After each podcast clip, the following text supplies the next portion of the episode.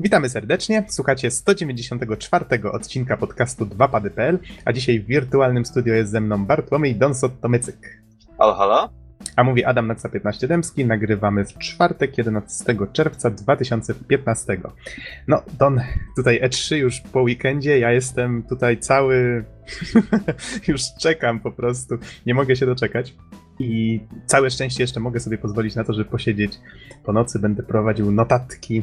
Mam nadzieję, że w przyszłym tygodniu już kolejny podcast będzie poświęcony prawdopodobnie w całości E3, a konkretniej wszystkim konferencjom. Z kolei e, dzisiaj, dzisiaj będziemy mówić troszeczkę o, o tym, co się ostatnio dzieje. Już pojawiają się jakieś takie mniejsze, większe niespodzianki przed samym E3, jak to zwykle bywa. E, z kolei będziemy też mówić o jednej grze, będziemy recenzować The Fall. Grę, która wyszła w sumie. Hmm, nie jestem pewien, kiedy ona miała premierę. Problem polega na tym, że Wikipedia uznaje, że ta gra w ogóle nie istnieje. No właśnie, muszę, muszę jakoś poszukać lepiej, ale mam wrażenie, że ona chyba wyszła w 2014. O, Steam podaje 30 maja 2014. Nie jest to duża gra, ale miałem okazję ją, no właściwie nie jest duża na tyle, że udało mi się ją skończyć w jedną noc. Ale spodobała mi się na tyle, że myślę, że warto o niej opowiedzieć. Może więcej osób się do niej zachęci. E, z kolei, nim przejdziemy do newsów, to może zadam takie standardowe pytanie. Don, w co tam ostatnio grasz? O ile w coś grasz? No, szczerze powiedziawszy, ostatnio jakoś niewiele, bo niewiele, ale jednak tyram w Wiedźmola, jakby to powiedzieli moi koledzy w pracy. No i w sumie do, do tego się to sprowadza. E, myślę, że jakieś większe wrażenia raczej się od nich powstrzymam, dlatego że prawdopodobnie to by zadziałało jak kula śniegowa, która po zboczu się toczy i wyszłaby nam taka wspólna dyskusja, recenzja na, na bazie kilkunastu, kilkudziesięciu godzin. Już sobie zdążyliśmy trochę pogadać przed podcastem, więc chyba ryzyko spadło. Ale no póki co można powiedzieć wiele fajnych rzeczy o tej grze. Choćby to, że nie dość, że albo właściwie nie, powstrzymać się od, od jakichś konkluzji, okay. opinii, wniosków, bo to naprawdę może się mocno przedłużyć, a, a jednak nie o Wiedźminie teraz będziemy rozmawiać. Mhm, chociaż też mamy tutaj całkiem miłe informacje na jego temat.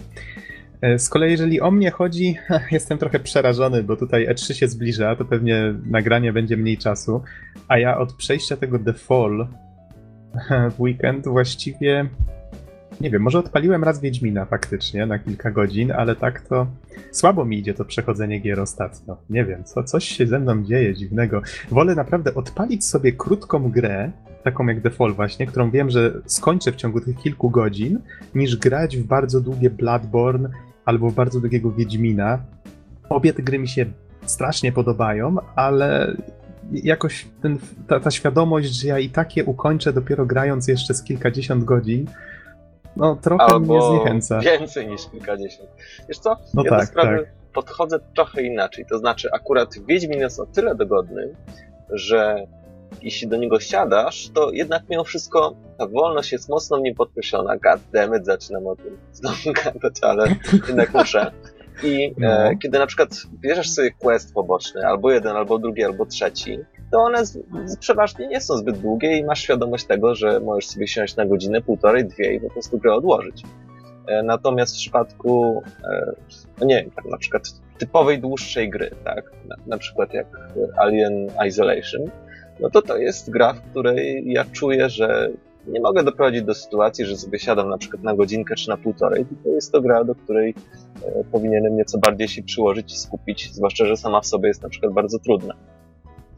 E, I to też jest ten problem. Natomiast e, ja też bardzo lubię gry krótkie, takie jak na przykład Dear Esther, które trwa bodajże mniej niż godzinę, czy Zaginięcie Itana Cartera, które też można zamknąć bodajże w trzech, góra czterech godzinkach może trochę więcej. E, dlatego, że po pierwsze, no, mm, one mogą, mogą zapewniać dosyć ciekawe doświadczenie, które się zamyka w krótkim czasie i potem można przejść do następnego tytułu albo po prostu przeanalizować to, co, e, to, co właśnie, to, czego doświadczyliśmy. Z, z perspektywy takiej właśnie, no nie wiem, analizy, może nawet trochę górnolotnie powiem badania, taki na przykład Wiedźmin, no to jest, to jest sprawa bardzo trudna. Bo treści jest bardzo dużo, którą trzeba na przykład jakoś uporządkować. I tak dalej, i tak dalej, więc właśnie kurczę, jednak mimo wszystko, e, mimo wszystko e, się na to, że współczesne gry są dosyć krótkie, ale przyznaję, że jest to model bardzo dla mnie wygodny. Czyli, no ja też się zgodzę, czyli mówiąc krótko, to wszystko zależy. Gry krótkie też są potrzebne, prawda? I są ludzie, którzy bardziej je na pewno doceniają niż gry długie. Zdecydowanie tak. Okej, okay, okej. Okay. To przejdźmy w takim razie do newsów po tej krótkiej dygresji. I co my tutaj mamy? Zacznijmy może właśnie od E3, no bo to już właściwie po weekendzie. Same targi zaczynają się we wtorek. To już właściwie powtórzę to, co mówiłem już tydzień temu. Same targi zaczynają się we wtorek, ale w poniedziałek już pojawiają się pierwsze konferencje. Tutaj raczej tak jak przez ostatnie lata, więc nie ma tutaj niespodzianek.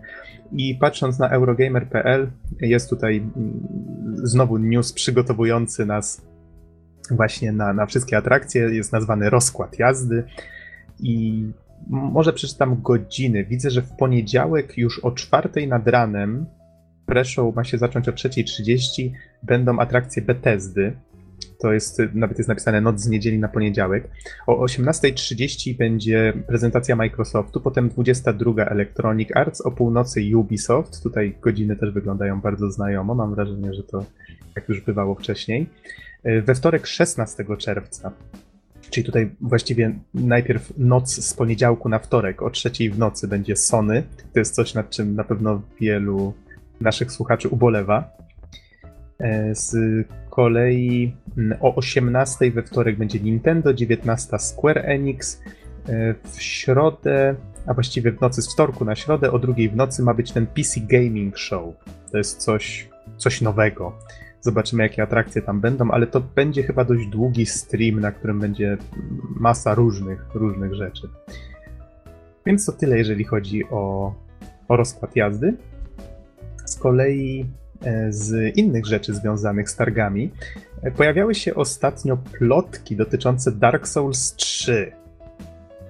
I no nie wiem czemu, ale to ostatnio strasznie wszystko wypływa. Przed ogłoszeniem Bloodborne wypłynęło, że coś tam powstaje. Wszyscy mówią, o, kolejne Dark Souls, ale jednak Bloodborne.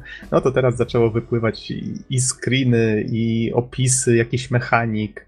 I co prawda niektórzy podchodzili do tego ostrożnie, no ale to widać było, że to nie może być fake, więc już teraz jest to praktycznie pewne. Dark Souls 3 zostanie zapowiedziane na E3 i się ukaże na początku 2016.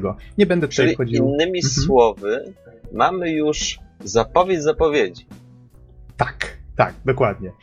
I yy, wiadomo właśnie, że gra wyjdzie na początku 2016. Nie będę się tu wdawał w to, co tam jeszcze, yy, jeszcze wiadomo, bo to wiadomo, to może być nie, niedokładne to mogą być informacje. Poza tym ja sam się w nie jakoś szczególnie nie wczytywałem. Więc to na razie, to na razie zostawię. Zobaczymy, czego się dowiemy już na samych targach. Z kolei z innych informacji potwierdzono, jak się ma nazywać dokładnie kolejny Mirror's Edge. Tutaj nie wiadomo było wcześniej, czy to będzie Mirror's Edge 2, a potem się okazało, że to będzie reboot. Ostatecznie gra ma się nazywać Mirror's Edge Catalyst. I opublikowano też grafikę, która no taką tapetę właściwie, która pokazuje Fate w nowej wersji. No i przy okazji stwierdzono też, zapewniono, że to nie będzie sequel, nie będzie to żaden Mirror's Edge 2 i dalej możemy przeczytać, e, zdecydowaliśmy się na wizję honorującą pierwszą odsłonę. Mhm. Ja jestem najbardziej ciekaw, czy to będzie otwarty świat. Taki, takie ponoć było założenie wstępne tego projektu. Bo jedynka mimo wszystko to była taka gra podzielona na etapy. I tutaj ciekaw jestem, jakby to wpłynęło na, na, na, ten styl rozgrywki, gdyby dali graczowi takie wielkie, wielkie miasto, mnóstwo znaczy, dachów do biegania. Wiesz co, akurat, y, akurat ten model rozgrywki już został przetestowany w Dying Light. I muszę powiedzieć, że wyszedł doskonale, co pewnie oczywiście wynika z mojej recenzji. E, natomiast to właśnie też jest bardzo ciekawe, dlatego że jakby pewne ruchy postaci głównego bohatera e, Dying Light bardzo przypominają ruchy właśnie z Mirror's Edge. E, I to, to też jest ciekawe, bo jeśli faktycznie będzie ten otwarty świat, no to jednak mimo wszystko oba światy, bo tutaj na wschodzie Europy gdzieś miasto, a tutaj w Mirror's Edge wysokie budynki i zupełnie inne klimaty, ale jednak mimo wszystko mam przeczucie, że tak, to taki trochę może być pojedynek między, między tymi formułami, które zostaną przyjęte. I ciekaw jestem, jak to, ostate- jak to ostatecznie wypadnie, natomiast myślę, że myślę, że warto, warto się tematem zainteresować. Mm-hmm. Z kolei z innych rzeczy dowiedziałem się wczoraj na Facebooku, pojawiło mi się, pojawiła mi się informacja od Flying Wild Hog, e, od twórców między innymi Hard Reseta i Shadow Warrior, chociaż nie jestem pewien, czy oni stworzyli coś przed Hard Resetem? To chyba był ich debiut, ale głowy nie dam. W każdym razie stworzyli e, reboot marki Shadow Warrior e, i zapowiedzieli dwójkę. Najpierw kierując do strony e, z, z wielką smoczą dwójką, potem już oczywiście pojawiło się tam też logo, więc już wiemy, że Shadow Warrior 2 powstaje. Ja ostatnio na trwającym e, na Gogu Summer Sale a przy okazji mogę od razu dodać, że dzisiaj zaczął się też Summer Sale na Steamie, więc jeżeli ktoś chce dostać gry za, za bardzo nieduże pieniądze, to faktycznie już można w tym miesiącu się nieźle obłowić. A jeśli w ciągu pierwszych dwóch godzin zdecyduje się na to, że jednak nie chce ich mieć, to będzie mógł je zwrócić. Ale podejrzewam, że o tym powiemy jeszcze za chwilę. O, faktycznie, dobrze, że przypominasz. Mm, w każdym razie na Gogu udało mi się dostać i starego Shadow Warriora, tego z 97 chyba, mam wrażenie, sprawdzałem przed podcastem, już zdążyłem zapomnieć, e, i tego nowego też właśnie z 2013, jeżeli dobrze pamiętam. Więc być może niedługo będą, będzie jakiś materiał na podcaście na ten temat. Fajnie, że dwójeczka została zapowiedziana. Mam nadzieję, że pojawi się jakiś zwiastun w trakcie 3. E, z takich innych informacji, które można bardzo szybko streścić, e, fani, e, fani Neverhooda na pewno ucieszą się, że Army Krog, czyli jego duchowy następca, będzie miał premierę 18 sierpnia. Już, już znamy dokładną datę. I z innych rzeczy, które my tutaj mamy, tak już lecąc przed siebie, e, informacje o Wiedźminie. Jednak znowu wracamy do tego tematu. E, a to za sprawą informacji o tym, że sprzedało się już. Ile tygodni od premiery minęło? E, tutaj jest podane, że po dwóch tygodniach od premiery, może zacytuję, po dwóch tygodniach od premiery liczba graczy, którzy kupili Wiedźmina, osiągnęła 4 miliony. Koniec cytatu tutaj z Eurogamera.pl. Oczywiście przypomnę, że wszystkie linki, o których mówimy, będzie można znaleźć e, na Facebooku pod okładką, w opisie, e, pod okładką podcastu. No, czyli Wiedźmin sprzedaje się jak świeże bułeczki. 4 miliony po dwóch tygodniach to jest niesamowity wynik. Muszę przyznać, że robi ogromne wrażenie. No i tylko twórcom pogratulować. To jest faktycznie niemałe osiągnięcie. E, z, z in... Widzę, Don, że ty się nie odzywasz, bo powiedziałeś, że już o Wiedźminie nic nie mówisz dzisiaj, tak? Tak, chyba złożę śluby. Śluby milczenia. Do recenzji, do recenzji o Wiedźminie chyba nic nie powiem. Oczywiście jest, jest to całkowicie wiadome, że powiem jeszcze i to pewnie jeszcze wiele rzeczy, e, natomiast, e, natomiast warto się powstrzymać z pewnymi elementami. No cóż, jeśli chodzi o samą sprzedaż, to faktycznie wynik jest, e, jest imponujący, aczkolwiek był przewidywalny. W związku z tym, jaki hype przeżywał cały świat, dosłownie cały świat, jeszcze przed samą premierą gry, myślę, że jest to wynik spodziewany. Mhm. Oczywiście nie ujmując przy tym całej pracy, jaką twórcy w grę włożyli. E, no i oczywiście końcowego efektu, który jak wiemy e, jest jaki jest. Jaki jest Wiedźmin, każdy widzi. A tutaj pojawiają się też kolejne łatki i o tym jest kolejny news. 5 e, czerwca, czyli nie jest to, nie jest to najnowsza informacja, ale pojawiła się łatka, która ku mojemu zdziwieniu załatała błąd, o którym nie miałem zielonego pojęcia. E, chodzi o to, że ponoć czasami były problemy z doświadczeniem dostawanym za zadania, które już były na bardzo na niższy level niż mamy obecnie. One są oznaczane w grze kolorem zielonym. I ja tak zacząłem się martwić, czy czy ja grając na tym najwyższym poziomie trudności, przypadkiem czy gra nie jest dla mnie trudniejsza niż być powinna, ze względu na to, że powiedzmy nie dostawałem doświadczenia za jakieś, za jakieś zadania. No i trochę mnie to uderzyło, tak? No ale fajnie, że twórcy łatają, łatają te rzeczy. Mam wrażenie, że Pamiętam, że dyskutowaliśmy już o tym wcześniej. Don, wiem, że nie chcemy się tutaj wdawać zbytnie szczegóły, tak, ale e, pamiętam, że padło stwierdzenie, że to jest taki to jest taki bug, który aż dziwne, że wyszedł poza testy. Tak, no generalnie rzecz biorąc, e, testy gier potrafią być bardzo intensywne. E, no i właśnie dziwi mnie, że właściwie coś, co jest taką podstawą tej gry, czyli system zdobywania doświadczenia i wykonywania questów, że to przeszło, no ale, ale naprawdę, e, jak ja sam wiem z doświadczenia, pewnie ty Nox także wiesz, inne osoby, które tworzą gry amatorsko lub nawet zawodowo też to wiedzą, że zawsze produkcja gry wpisana jest w jakiś kontekst i jakieś różne dziwne rzeczy mogą się wydarzać i w czasie jej, w czasie tej produkcji. No i niestety pewne rzeczy, które dla kogoś z zewnątrz mogą się wydać oczywiste, na przykład dlaczego nie załataliście tego albo tamtego, wcale nie są tak proste do rozwiązania, więc e, no poza tym ja nie mam wątpliwości, że CD Projekt Red to nie są amatorzy. E, więc, więc tutaj no, błąd może być dotkliwy, dlatego że mm, o ile jakieś pomniejsze wpadki, jakieś takie exploity czy inne tego typu rzeczy, które, które wydarzą się dla, które, inaczej, które wywoła gracz, który po prostu chce coś koniecznie zepsuć, no to to jest moim zdaniem oczywiście też sprawa, sprawa ważna, jeśli, jeśli te błędy są jakieś istotne, na przykład zawieszenie się gry, spadnięcie pod mapę i tak dalej, i tak dalej. Na zdrowie. E, natomiast, e, natomiast moim zdaniem właśnie najgorsze jest to, jeśli taki no, przysłowiowy, e, a raczej nie przysłowiowy, tylko po prostu typowy gracz, który chce się dobrze bawić, nagle natrafia na błąd, który mu tę grę, e, który mu tę grę, który mu tę grę e, i zabawę psuje. To jest wtedy najgorsze.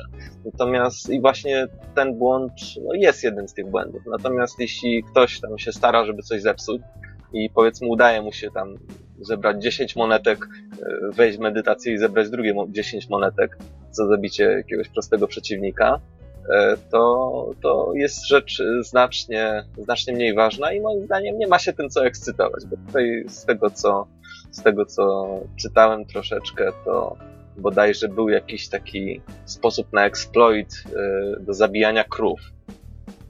Aha, I... tak, zarabianie na krowach, czytałem o tym. I twórcy załatali to w ten sposób, co widać na, na filmiku, że po prostu w pewnym momencie, kiedy próbujemy to, jakby ten exploit wykonać, wtedy wy, wyskakuje na nas jakiś e, wysokopoziomowy, groźny potwór. No i szczerze powiedziawszy, właśnie e, mnie to, po mnie to trochę spływa jak woda po kaczce, bo ja osobiście ze względu na immersję, ze względu na to, jak ja chcę grać na moją zabawę, w ogóle czegoś takiego bym nawet nie robił. Nawet bym mhm. krów e, zabijać nie próbował, dlatego że dlatego że samo używanie znaków potrafi ludzi wystraszyć, e, a, a nawet próba kradzieży powoduje, że strażnicy się na ciebie rzucają, więc e, po pierwsze zepsułoby to immersję i sposób, w jaki gram, a po drugie nie jestem pewien, ale wolę nie próbować, czy coś takiego nie mogłoby jakoś tam wpłynąć nieco bardziej na grę. Więc, no, no jak mówię, jakieś takie rzeczy, które można intencjonalnie zepsuć, ale są gdzieś głęboko zakryte, to jest sprawa drugorzędna. Szkoda, że twórcy nie rozwiązali tego problemu wzorując się na Zeldzie, The Legend of Zelda. Tam jest taka tradycja, nazwijmy to już, że jak zaczynasz atakować kurczaka w, e, no powiedzmy w jakiejś wiosce, to jeżeli zaczynasz dokuczać temu kurczakowi naprawdę dotkliwie już powiedzmy którąś tam sekundę, to nagle zaczynają się na ciebie, na ekranie zaczynają się pojawiać zewsząd inne kurczaki. Wszędzie wiesz, gda, gda, gda i, i z lewej, z prawej, z góry i, i one zaczynają cię atakować. Niektórzy nie wychodzą z tego cało. I to jest taki zabawny, zabawny, no jak to nazywać, feature to raczej, raczej nie, ale taki easter egg, o którym już większość graczy w Zeldzie, w Zelda oczywiście wie. No, ale to jest taki, tak, tak jak mówię, taka tradycja całkiem sympatyczna. Jak ktoś dokucza kurczakom, no to musi go spotkać zasłużona kara. Tak, to jest jedna ze złotych myśli tego podcastu. okay, Jeśli ktoś dokucza kurczakom, musi go spotkać zasłużona kara. Adam Dębski, 2pady.pl 2015, tak? Lecąc dalej. E, co my tutaj mamy? Mm, informacje a propos Metal Gear Solid 5, jeżeli jeszcze nie macie PlayStation 4 i planujecie zagrać w Metal Gear Solid 5 i nie macie powiedzmy do tego peceta, no to macie całkiem niezłą okazję, żeby poczekać z kupnem y, tej konsoli, ponieważ ma wyjść specjalna edycja odpowiednio pokolorowana, ozdobiona właśnie w motywach Metal Gear, Metal Gear Solid 5, więc no to jest myślę nie lada gratka dla kolekcjonerów. E, z, z, kolei tak mnie to rozbawiło troszeczkę, bo czytam tego newsa i wow, ta edycja będzie w Polsce, super, muszę ją mieć. Tak zacząłem myśleć i po chwili tak sobie przypominam, zaraz, ta gra wyjdzie na PC-ta. Ha, ha, ha, nie muszę. Więc to, to tak, to, no, tak sobie przypomniałem, że przecież mam PC-ta, który bez problemu tę grę odpali. Gra na pewno na PC będzie dużo tańsza. Więc tak się opamiętałem i no tak, to właściwie po co mi ta PS4, prawda? Zresztą zobaczymy, co Sony ogłosi na E3. Może być różnie, ale być może już ogłoszą jakąś wersję Slim albo coś w tym rodzaju. Wcale bym się nie zdziwił. Oni z reguły po jakimś czasie od premiery ogłaszają tego typu zmiany.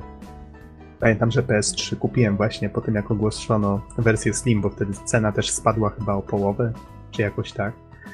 No i wtedy to faktycznie była, była całkiem niezła okazja.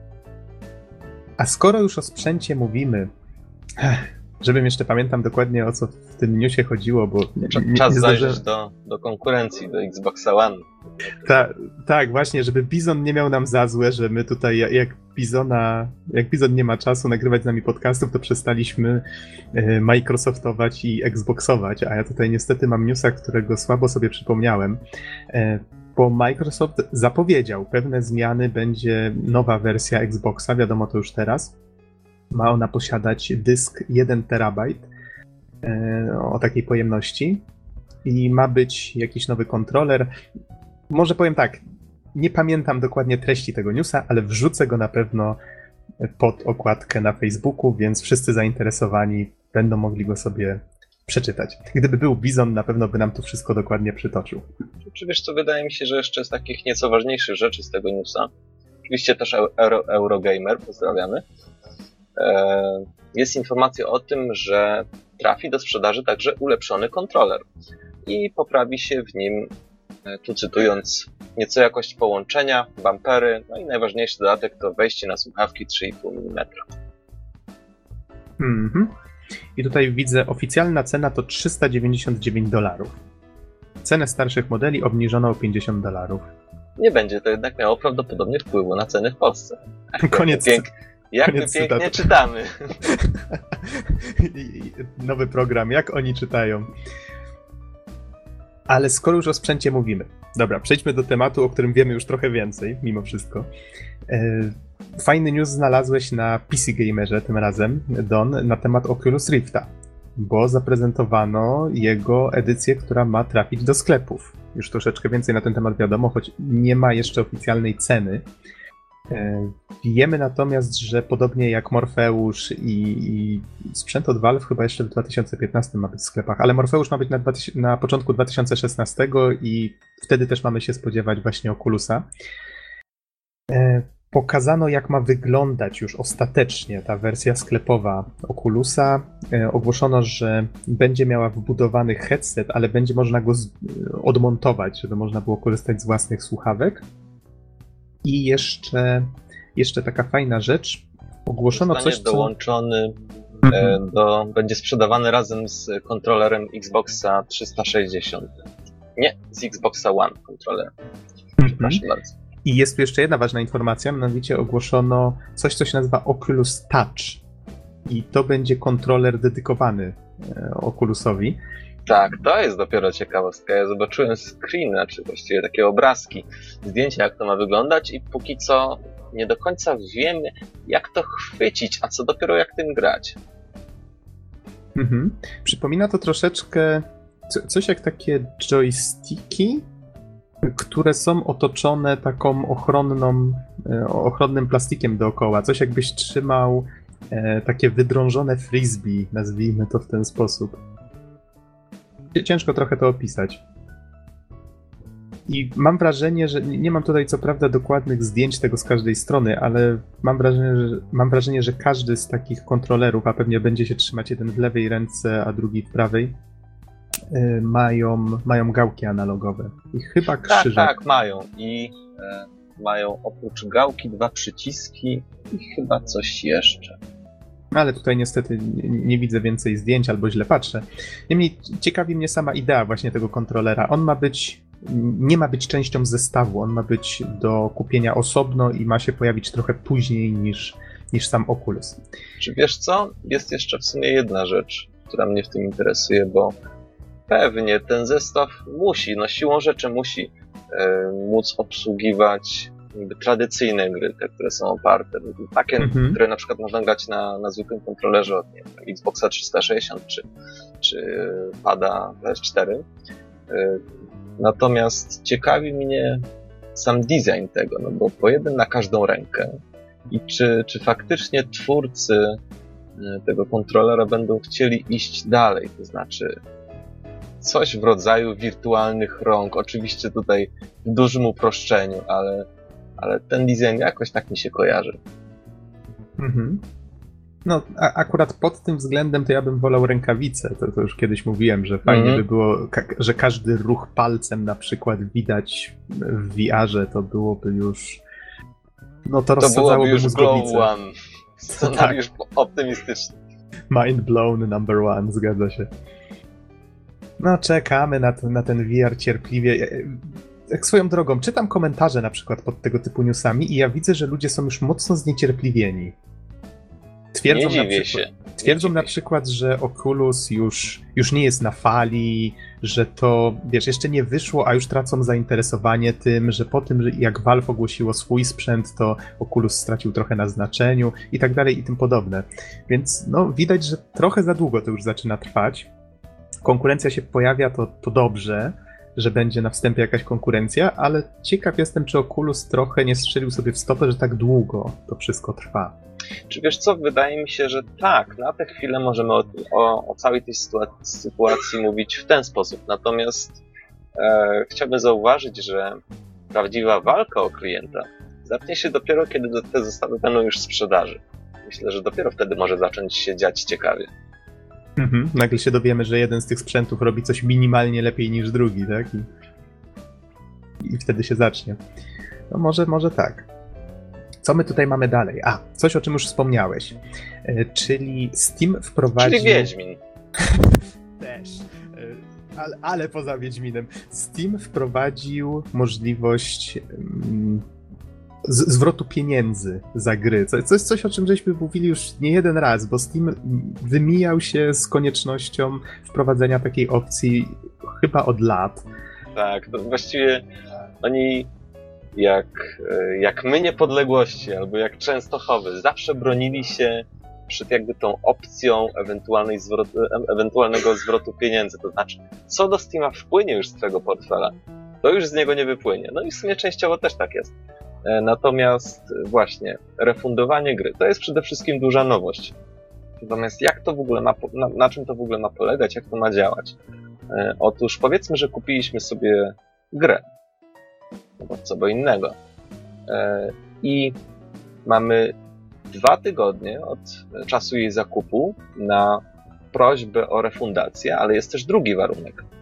Powinniśmy spędzić w niej nie więcej niż dwie godziny właściwie to równo lub trochę więcej od dwóch godzin, już wtedy skreśla nas jakby z, z listy osób, która może z refundacji skorzystać. To ma być takie swoiste zabezpieczenie przed, e, przed wykorzystywaniem tego systemu. Takie dosyć, wydaje się dosyć e, proste i, i grubo ciosane, ale jednak mimo wszystko jakieś jest. E, I po prostu cała rzecz polega na tym, że będziemy mogli sobie oczywiście kupić tę grę, pograć w nią te kilkanaście, kilkadziesiąt minut. E, no i oczywiście, jeśli zmienimy zdanie, to wtedy e, te pieniądze, które wydaliśmy na tę grę, wrócą do naszego Steamowego portfela. Mhm.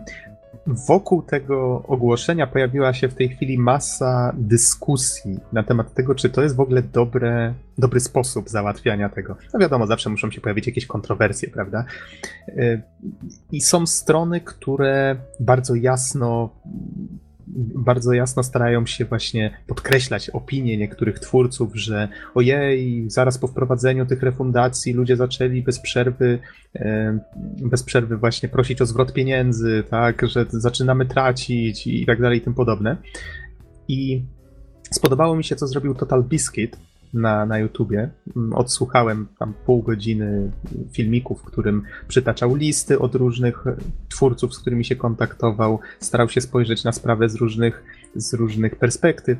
No i tutaj przede wszystkim podkreślał, że wiele z tych stron, wielu tych krzykaczy, którzy nabijają sobie kliki jakąś tanią sensacją, przytacza dane, które z reguły które z reguły są bardzo niekompletne. One po pierwsze uwzględniają tylko jakieś tam kilka dni, czy no ile tam już ten, e, ile ten e, od, od, od, kiedy ta refundacja tak jest możliwa, no to raptem, raptem kilka dni, więc nie pamiętam dokładnie kiedy ją wprowadzono, ale nie jest to czas długi. Poza tym trzeba pamiętać o tym, że dopiero rozpoczął się Steam Summer Sale, czyli ta wielka wyprzedaż, którą ogłoszono już jakiś czas temu, więc ludzie wiedzieli, że ona się zacznie i niektórzy po prostu nie kupowali nic na Steamie, wiedząc, że za kilka dni będą mogli dostać to samo za powiedzmy jakieś grosze. E, to też trzeba uwzględnić. Innymi słowy, statystyka to bardzo skomplikowana rzecz. Trzeba zawsze wiedzieć, jak te dane statystyczne, jak je zbierać, jak je interpretować. To nie jest wcale takie proste i wiadomo, że można podjąć bardzo głupie, dziwne decyzje, jeżeli się zrobi to niewłaściwie. Właściwie sam dobór materiału, danych jest tutaj najważniejszy, nawet ważniejszy niż interpretacja, bo sam dobór już warunkuje nam, e, w jakich widełkach ta interpretacja się zamknie. Natomiast e, ja znam jeszcze jeden wątek, e, to znaczy ten jakby system dwóch godzin, o którym powiedziałem. Otóż przecież są gry, jakby chociaż wspomniane przeze mnie Dear Esther, czy też jakieś inne, głównie Indie, ale przecież niekoniecznie, e, które można ukończyć w tym czasie, albo przynajmniej e, bardzo duży postęp w nich zrobić. I tutaj niektórzy, chociażby twórcy niezależni, czy inne osoby, zaczynają się martwić, że dojdzie do sytuacji patologicznej, w której ktoś powiedzmy kupi sobie grę, właśnie taką krótką, ukończy ją albo, albo wybawi się w niej wystarczająco dużo, przez dwie godziny, po prostu ją zwróci i zwracają uwagę na to, że, że jest to jakiś taki system, który, e, który tym twórcom mógłby zaszkodzić. Ja osobiście się z tym e, całkowicie nie zgadzam, e, dlatego że chociażby wziąć pod uwagę ten pierwszy fakt, że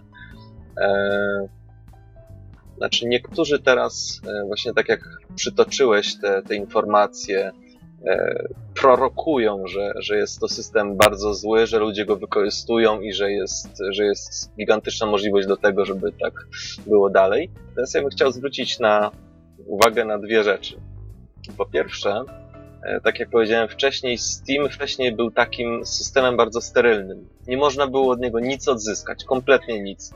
No i po części dalej tak jest. Natomiast to jest jakby ta pierwsza furtka. No i w związku z tym, że jest to, to pierwsza furtka, to wiadomo, że ludzie najpierw będzie bardzo duży wzrost zainteresowania, potem moim zdaniem on będzie dalej spadał. I jakby unormuje się na pewnym poziomie. E, więc, e, więc myślę, że tutaj nie ma co przedwcześnie wzburzać żadnych awantur. Dlatego, że no, zadajmy sobie proste pytanie. Czy, nie wiem, na przykład ja sobie osobiście nie wyobrażam, żeby ludzie całymi milionami na przykład kupowali grę, spędzili w niej zaledwie dwie godziny, e, oddawali ją i, i, po pierwsze, jakoby ten proceder miał, miał im jakoś służyć, działać na ich korzyść, a po drugie, jakoby twórcy mieli na tym ostatecznie tracić. Myślę, że ten trend jest, jest tylko tymczasowy i, i całość się wkrótce unormuje właściwie to nie ma się co unormowywać, bo, bo wydaje mi się, że jest to wszystko całkiem naturalne. Mhm. E, to, to znaczy... I raczej wątpię, że, że tutaj twórcy niezależni będą jakieś, jakieś wielkie straty ponosić. Mhm. Tutaj Czy w też, ogóle twórcy. Też z tego filmiku, właśnie Total Biscuita, z tej dyskusji, e, można było kilka takich e, argumentów za i przeciw wyciągnąć. Na przykład Wspominasz tutaj o tym, jak to może być wykorzystywane na niekorzyść twórców. Pojawił się ciekawy argument kart. Bo karty, te, które się dostaje za grę dość losowo, gramy sobie, gramy i Steam powiedzmy w pewnym momencie wbija nam jakąś kartę kolekcjonerską. To jest ten system, który się jakiś czas temu pojawił. Ludzie handlują tymi kartami. I tutaj jeszcze nie wiadomo do końca, w jaki sposób to będzie wykorzystywane Czyli na przykład, czy ktoś będzie mógł sobie kupić grę, nawbijać kart i kazać zwrócić pieniądze za grę, a na przykład czy karty zostaną wtedy. Myślę, że tutaj Steam ma jeszcze nad, czymś, nad czym myśleć i nie wiadomo, jak oni sobie radzą z takimi rzeczami. Albo Wiesz, jeszcze... jeszcze... Jeszcze dodam mhm. jedną rzecz, co myślę, że ważną. E, jest taki jakby częścią komunikatu od Steamu jest zapewnienie, że, e, że jakby prośby o refundację też będą do pewnego stopnia rozpatrywane, będzie brane pod uwagę w jakim kontekście i e, Steam oczywiście zapewnia, że będą tam jakieś, jakieś analizy i przeciwdziałania e, próbom wykorzystania tego systemu, natomiast w ogóle nie mam informacji na temat tego, jakie na przykład, jak definiować to wykorzystywanie tego systemu. Więc tutaj, tutaj jest sporo niewiadomych, ale szczerze powiedziawszy, e, co do tych kart jest to pewien argument, czy na przykład wraz z refundowaną grą e, tracimy te karty. Natomiast ja osobiście tak średnio wyobrażam sobie, że grający kupuje sobie grę, gra w nią dwie godziny, próbuje coś na przykład nie wiem, w niej uzyskać i potem chce mu się jeszcze ją zwracać. To miałoby jakoś mu służyć. Szczerze mm. powiedziawszy, tego nie widzę. Total Biscuit tutaj zwrócił uwagę, że on sam wypróbował ten system na grze, która u niego nie działała, bodajże Massive Chalice od, od Double Fine. E, I e, on zauważył, że dość długo trwa ten proces i on tak samo, jak ty powiedział, że nie wszystkim będzie się chciało to, to robić, co nie? Bo jeden z twórców, zapytany o opinię, stwierdził, że dla ludzi nadal łatwiejsze będzie spiracenie gry, po prostu ukradnięcie jej, niż zagranie w nią chwilę i z, właśnie tutaj zgłoszenie się z powrotem po, po, po zwrot tych pieniędzy. Bo po pierwsze trwa to troszeczkę czasu, żeby oni zweryfikowali to, potem żeby oni przesłali te pieniądze, żeby one do ciebie z powrotem dotarły i tak dalej i tym podobne. E, za to przechodząc już może do takich. A, bo tu jeszcze jest jeden taki argument przeciw. Twórcy niektórzy twierdzili, że że może być niebezpieczna taka sytuacja jak teraz, właśnie z Summer Sale, że ktoś kupuje grę przed Summer Sale mm, i nagle orientuje się, o wait, przecież teraz będą wyprzedaże, więc każe im zwrócić te pieniądze i kupię tą samą grę taniej. To Ale powiedz mi, jakieś... Y, mhm. bo to jest tak, nie zarabiasz na tym w żaden sposób. Taka osoba równie dobrze mogłaby to jest powiedzmy przypadek losowy. Ktoś kupił grę i się zorientował, że, że teraz jest wyprzedaż. Aha. Ale powiedzmy, że 50% osób, które zrobiłyby coś takiego, nie kupiło gry przed wyprzedażą. Powiedzmy, po prostu nie przekonała ich cena i, i kupiły ją dopiero na wyprzedaży. Więc tutaj to jest takie naprawdę wręcz gdybanie, tak?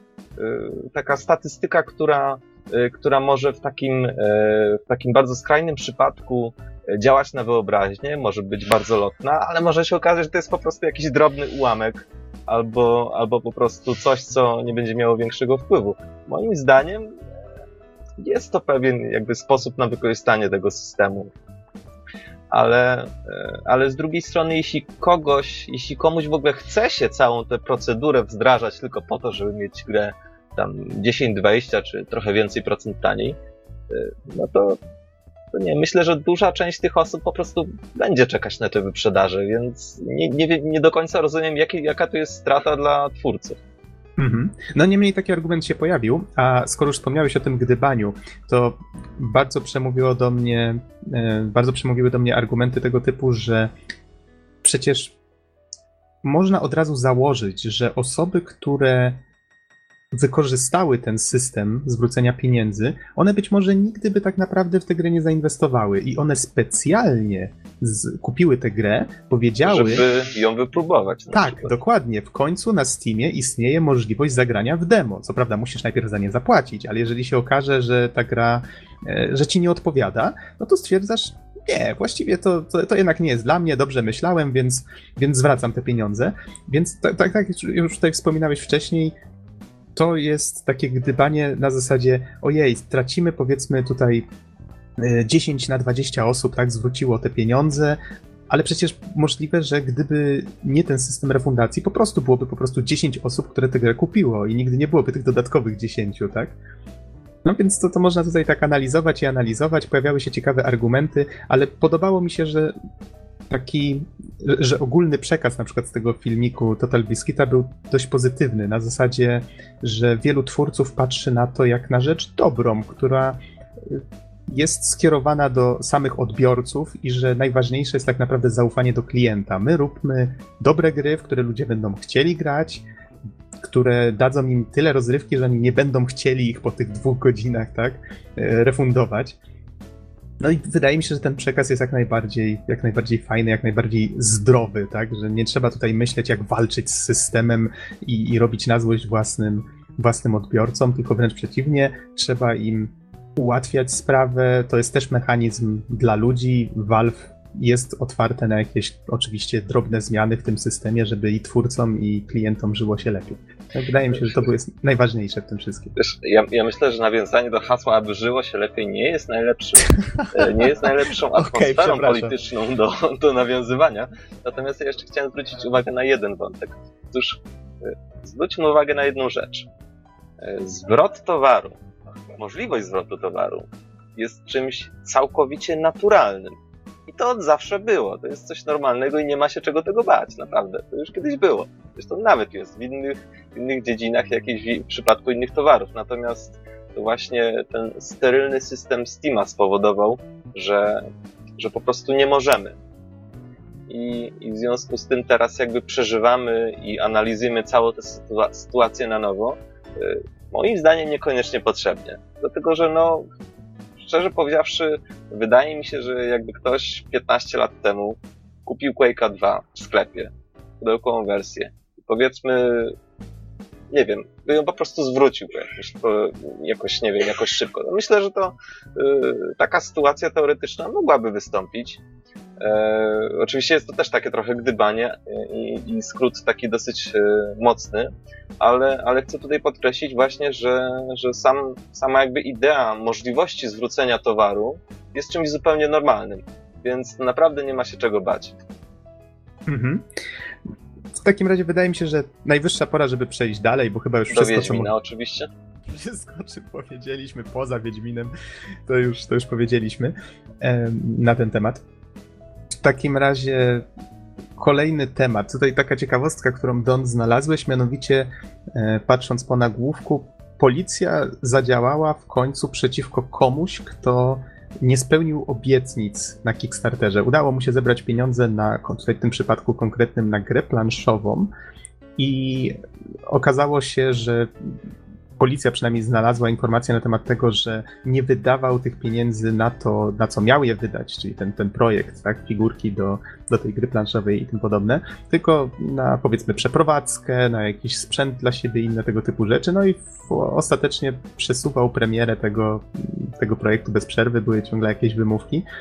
No i w końcu ktoś widocznie to zgłosił. Nie wczytywałem się dokładnie w całą tą sprawę, nie wiemy jak, jak to się rozwijało, ale to sytuacja sama w sobie jest dość, dość ciekawa. Widać, że twórcy na Kickstarterze nie są e, nie są mm, bezkarni, tak? Nie mogą sobie po prostu wziąć masy pieniędzy i, i wykorzystać ich na coś zupełnie innego. No właśnie tak, to jest przy, przykład o tyle ciekawy, że właściwie tak częściowo odpowiada na moje pytanie, które ja zadawałem sobie już od dosyć dawna. A co jeśli? A co jeśli nie wypali? Albo, albo po prostu projekt nie zostanie w jakiś sposób skończony, bo jak wszyscy wiemy, e, osoby, które, e, które dany produkt, jakiś projekt na Kickstarterze fundują, finansują, są spisane konkretne, bardzo konkretne, e, często nagrody, jakie, jakie za to finansowanie się otrzyma. Oczywiście, kiedy ten projekt zostanie skończony. I bardzo często są to właśnie jakieś figurki, kopia gry, plakaty itd., tak itd. Tak więc, y, więc to, jest, to jest o tyle ciekawe, że jednak mimo wszystko y, mamy przykład, co się może stać, kiedy, kiedy dana osoba będzie próbowała się uchylić od, od jakby tych swoich zobowiązań, jakie na siebie przyjęła. Lecąc dalej, bo czas nas już goni, y, właściwie zostały nam już tylko filmiki, które wrzucimy pod podcast wczoraj cały szczęśliwy odkryłem, że e, pojawiło się, pojawił się zwiastun Shantae Half Genie Hero, które ma się pojawić, z tego co pamiętam, w tym roku. To jest ta taka duża odsłona z serii Way Forward i od Way Forward serii Shantae. No i muszę przyznać, że gra wygląda bardzo fajnie. To są twórcy, może przypomnę, DuckTales Remastered, między innymi. Oni dużo różnych gier tworzą. No i oczywiście całej serii Shantae, którą po kolei sobie powoli recenzujesz na dwóch padach. Tak, tak, zgadza się. Nie mówiłem chyba tylko o tej pierwotnej na GBC, którą można sobie zagrać. E, mo, można ją sobie kupić na e-shopie 3DS-a, ale nie wiem, czy, nie wiem, czy jest sens ją recenzować. Może kiedyś jako ciekawostkę wspomnę. Pamiętam, że ją zacząłem, ale je, jeszcze nie skończyłem. Kiedyś do niej wrócę, jest, ale jest, jest za dużo dobrych gier. To jest chyba nasza choroba ostatnio. Zacząć nie skończyć. tak, tak, dokładnie. No niemniej Half Genie Hero prezentuje się bardzo fajnie. Gra ma trafić e, z tego co pamiętam na Wii U, PC, na inne konsole chyba też, ale tutaj głowy nie dam, bo nie mam akurat przed sobą tych informacji. Niemniej gra wygląda bardzo, bardzo fajnie. No, ja akurat w moim przypadku jestem takim wielkim fanem platformówek, to czekam, czekam. No i oczywiście Jake Kaufman jako kompozytor, on tu jak zwykle zadziałał tak, że jednym zwiastunem już mnie kupił, więc no jakoś tak trafia do mnie ta, ta jego muzyka energiczna i dynamiczna. Lecąc dalej, mm, zamieścimy też filmik najnowszy z Hellblade. Nie wiem, czy wszyscy z naszych słuchaczy kojarzą ten projekt. Nie pamiętam, czy o nim wspominałem już kiedyś. Jest to gra twórców e, Enslaved, Enslaved Heavenly Sword, e, nowego DMC, czyli od studia Ninja Theory. E, I oni w tej chwili pracują nad projektem, który określali mianem Indie AAA, AAA, czyli mm, to miała być taka gra która jest tworzona jak projekt wysokobudżetowy przez zawodowców, miała być bardzo wysoka jakość tej produkcji i tak dalej, ale jednocześnie jest to gra tworzona niezależnie, czyli nie ma, nie, nie ma nad nimi żadnego widma dystrybutora, tak, producenta, który który im mówi, jakiejś innej firmy, która im mówi, jak ta gra ma wyglądać, tylko oni wszystko robią po swojemu, według własnej wizji. Y, I dlatego między innymi ten projekt jest taki ciekawy. A, pamiętam, wspominaliśmy o nim przy okazji bodajże poprzedniego E3, bo wtedy pojawił się, e, pojawił się teaser z główną bohaterką e, Senua, która, e, która była otoczona jakimś takim mistycznym kręgiem kamieni. To wszystko było takie dziwaczne, trochę mitologiczne, kojarzyło się mm, z wikingami. I właśnie oni idą w takie klimaty. Ja śledziłem dzienniki deweloperskie, które się pojawiały przez kolejne miesiące. Wynikało z nich, że to ma być gra, w której wchodzimy coraz głębiej w coś w rodzaju takiego mitologicznego piekła. Zwiedzamy lokacje, które są na przykład ściany są pokryte rękoma, które się ruszają bez przerwy. E, tak, takie różne dziwne, trochę makabryczne, trochę, trochę mistyczne, niepokojące klimaty już po samych konceptartach widać, że, że to wszystko idzie w taką, taką mocno niepokojącą atmosferę. I teraz pojawił się nowy zwiastun i nowy, e, nowy dziennik deweloperski, w którym po raz pierwszy powiedziano o e, chorobie psychicznej, na którą, na którą choruje bohaterka. Tutaj wspomniano o tym, że, że ta wizja piekła, to wszystko, to niekoniecznie to niekoniecznie musi być coś, co faktycznie fizycznie istnieje. Być może jest to po prostu wytwór wyobraźni bohaterki, która przeżyła jakieś drastyczne rzeczy w przeszłości. Ona jest wojowniczką, widziała niejedno, przeżyła niejedno i ona zaczyna słyszeć głosy we własnej głowie, zaczyna iść za tymi głosami i co ciekawe, e, tworzone to jest we współpracy z psychologami, którzy dostarczają feedback na temat tego, jak jak ludzie właśnie z różnymi e, chorobami psychicznymi reagują w niektórych sytuacjach, jak na przykład e, jak kreują jakąś. Znaczy, oni. Fajnie ten psycholog w tym filmiku określa, że każdy tak naprawdę z nas kreuje w swoim umyśle jakąś rzeczywistość wokół siebie, że to na podstawie tego, co my znamy już ze swojej przeszłości, my tworzymy to, co jest wokół nas, tak? My to interpretujemy. I po prostu niektóre osoby interpretują to w zupełnie inny sposób, bo dochodzą do tego jakieś inne czynniki, tak? Nienaturalne, które wiążą się z jakąś chorobą. No, ba bardzo ciekawy, bardzo ciekawy wątek, który wydaje mi się, że faktycznie można też ciekawie w grze wykorzystać i mam nadzieję, że to się nie skończy po prostu takim Alanem Wake'iem, tak? Tutaj mm, oczywiście nie jest to żaden spoiler, bo w Alanie Wake'u y, ciągle krążymy między, między taką ni to ni to fikcją, ni to prawdą, nie wiemy, co jest prawdziwe, co nie. Tylko to... mnie zastanawia, dlaczego stwierdziłeś, że nie chciałbyś, że to właśnie się skończyło jak Alan Wake. E, to może się wytłumaczę dlaczego. Ja już przy okazji, jak pamiętam, wypowiadałem się na temat Alana Wake'a, to nie była chyba pełna recenzja, już nie pamiętam, chyba pierwsze wrażenia albo coś w tym rodzaju. E, wspominałem, że wspominałem, że mnie zaczęło w pewnym momencie drażnić to, że twórcy jasno, znaczy jasno, oni dawali takie dwa obozy. Mogłeś się opowiedzieć albo za tym, że to wszystko jest prawdą, albo za tym, że nie jest prawdą. I tak naprawdę nie było zwycięzców, tak? Gra męczy cię przez cały czas, ty nigdy nie wiesz i to jest to jest z jednej strony fajne, bo to sprawia, że ty chcesz tę grę skończyć, ale ostatecznie wiele osób po skończeniu tej gry czuje e, czuje rozczarowanie, bo stwierdza, że nie, nie było tak naprawdę e, żadnej konkluzji, tak? Że w końcu nie wiesz, czy to, czy to było prawdziwe, czy to nie było prawdziwe. Równie dobrze mogło być i tak, i tak. No to, to, to już zupełnie mind blown number two, tak? Y, no nie wiem, nie wiem, czy chciałbym, żeby Hellblade poszedł właśnie w tę stronę. Czy wiesz co, jeśli, mhm. jeśli mówimy...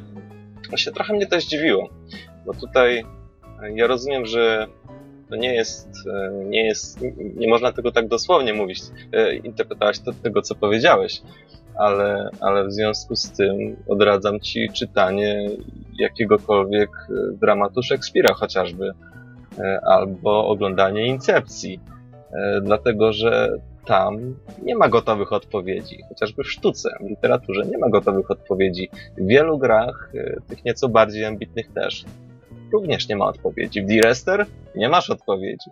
W Incepcji też ci nie pokażą, e, czy, czy bączek spadł, czy nie spadł, tak? Bo, bo przecież okay, nie, chodzi, to, to o bardzo... to, nie mhm. chodzi o to, żeby, e, żeby dać nam gotową odpowiedź, bo to jest strasznie leniwe. Nas stać na więcej. Człowieka naprawdę stać na więcej niż, e, niż dostać jakąś naiwną opowiastkę i wszystkie odpowiedzi. Właśnie dlatego jakaś rzecz jest e, wspaniała, interesująca, właśnie dlatego jest ponadczasowa. Dlatego, że porusza pewien problem i my o nim dyskutujemy. Dyskutujemy, bo chcemy znaleźć odpowiedź, na przykład swoją odpowiedź.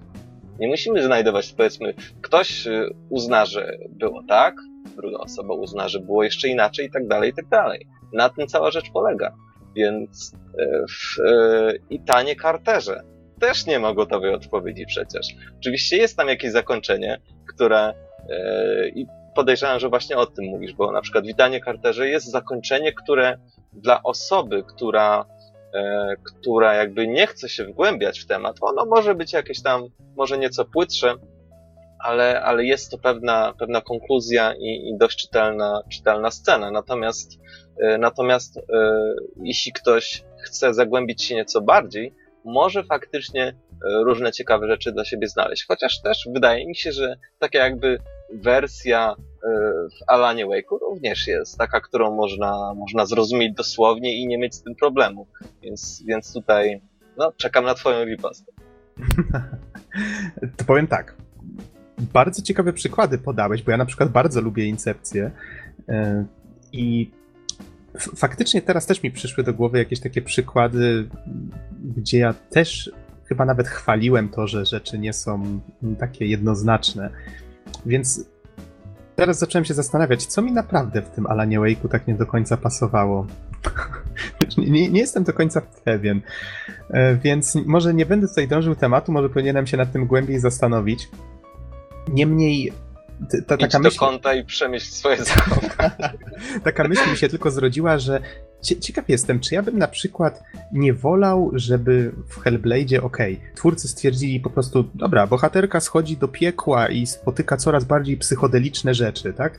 I, i, i mój mózg by stwierdził, aha, okej, okay, schodzimy do piekła, widzimy coraz bardziej psychodeliczne rzeczy, that makes perfect sense, okej, okay, więc niech tak będzie.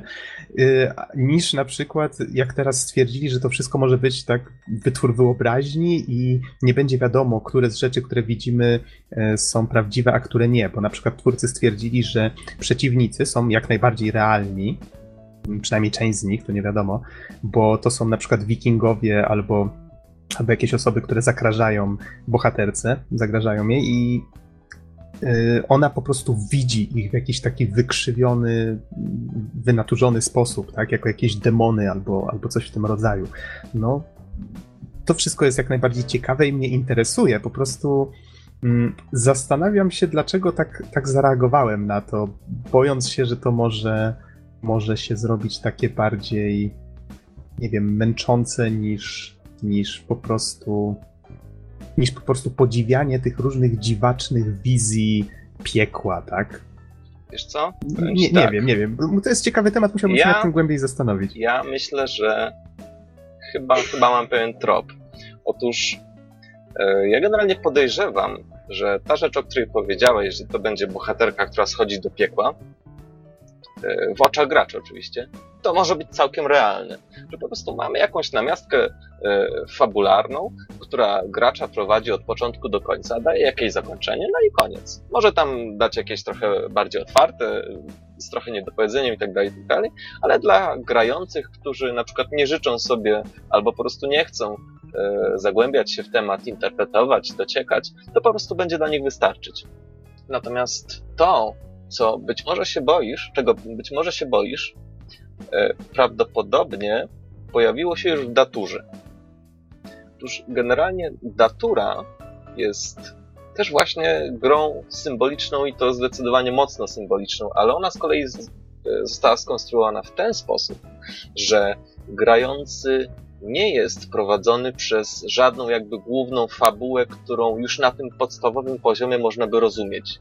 Jest to gra, w której grający właściwie wędruje od wizji do wizji, które, e, które oczywiście e, na, na pierwsze jakby spojrzenie e, nie mają ze sobą nic wspólnego. I właśnie dlatego wiele osób Daturę uważa za grę, która w ogóle nie ma fabuły, która w ogóle nie ma konceptu i że jest takim zupełnie surrealistycznym przeżyciem, które, no co prawda było jakieś tam fajne, ale po prostu nie spodobało się, bo nie ma tej konkluzji, nie ma tego wytłumaczenia.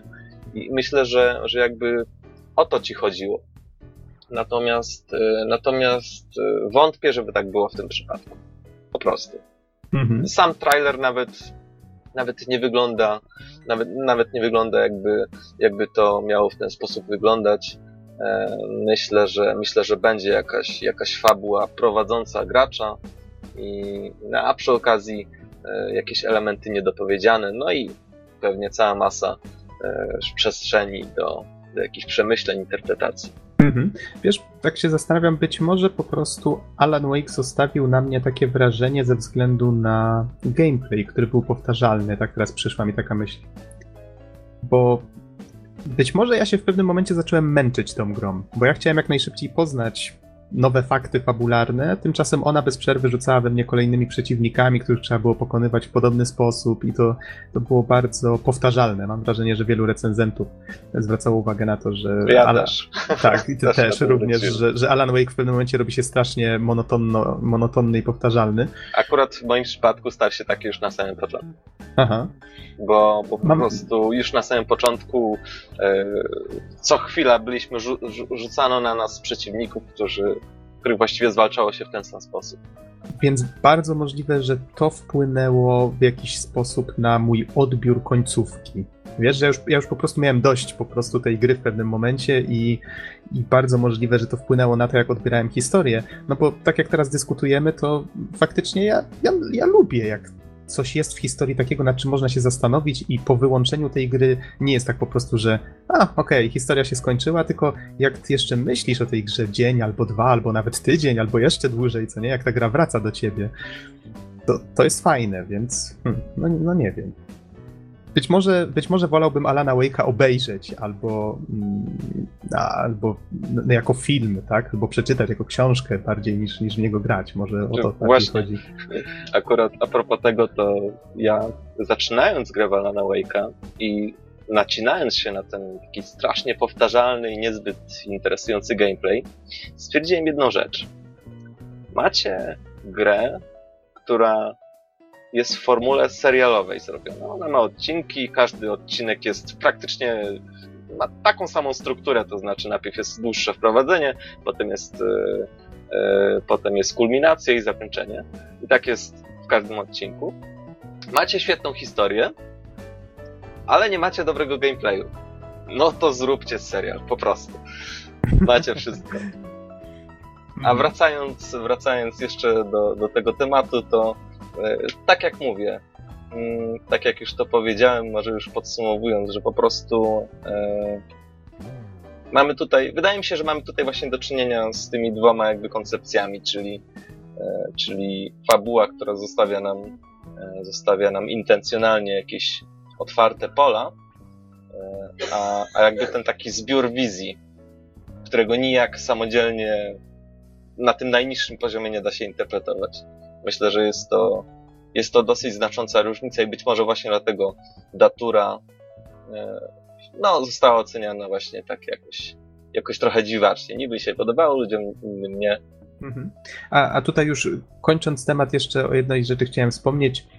Podesłałeś mi link do czegoś, co nazywa się Korsakowia.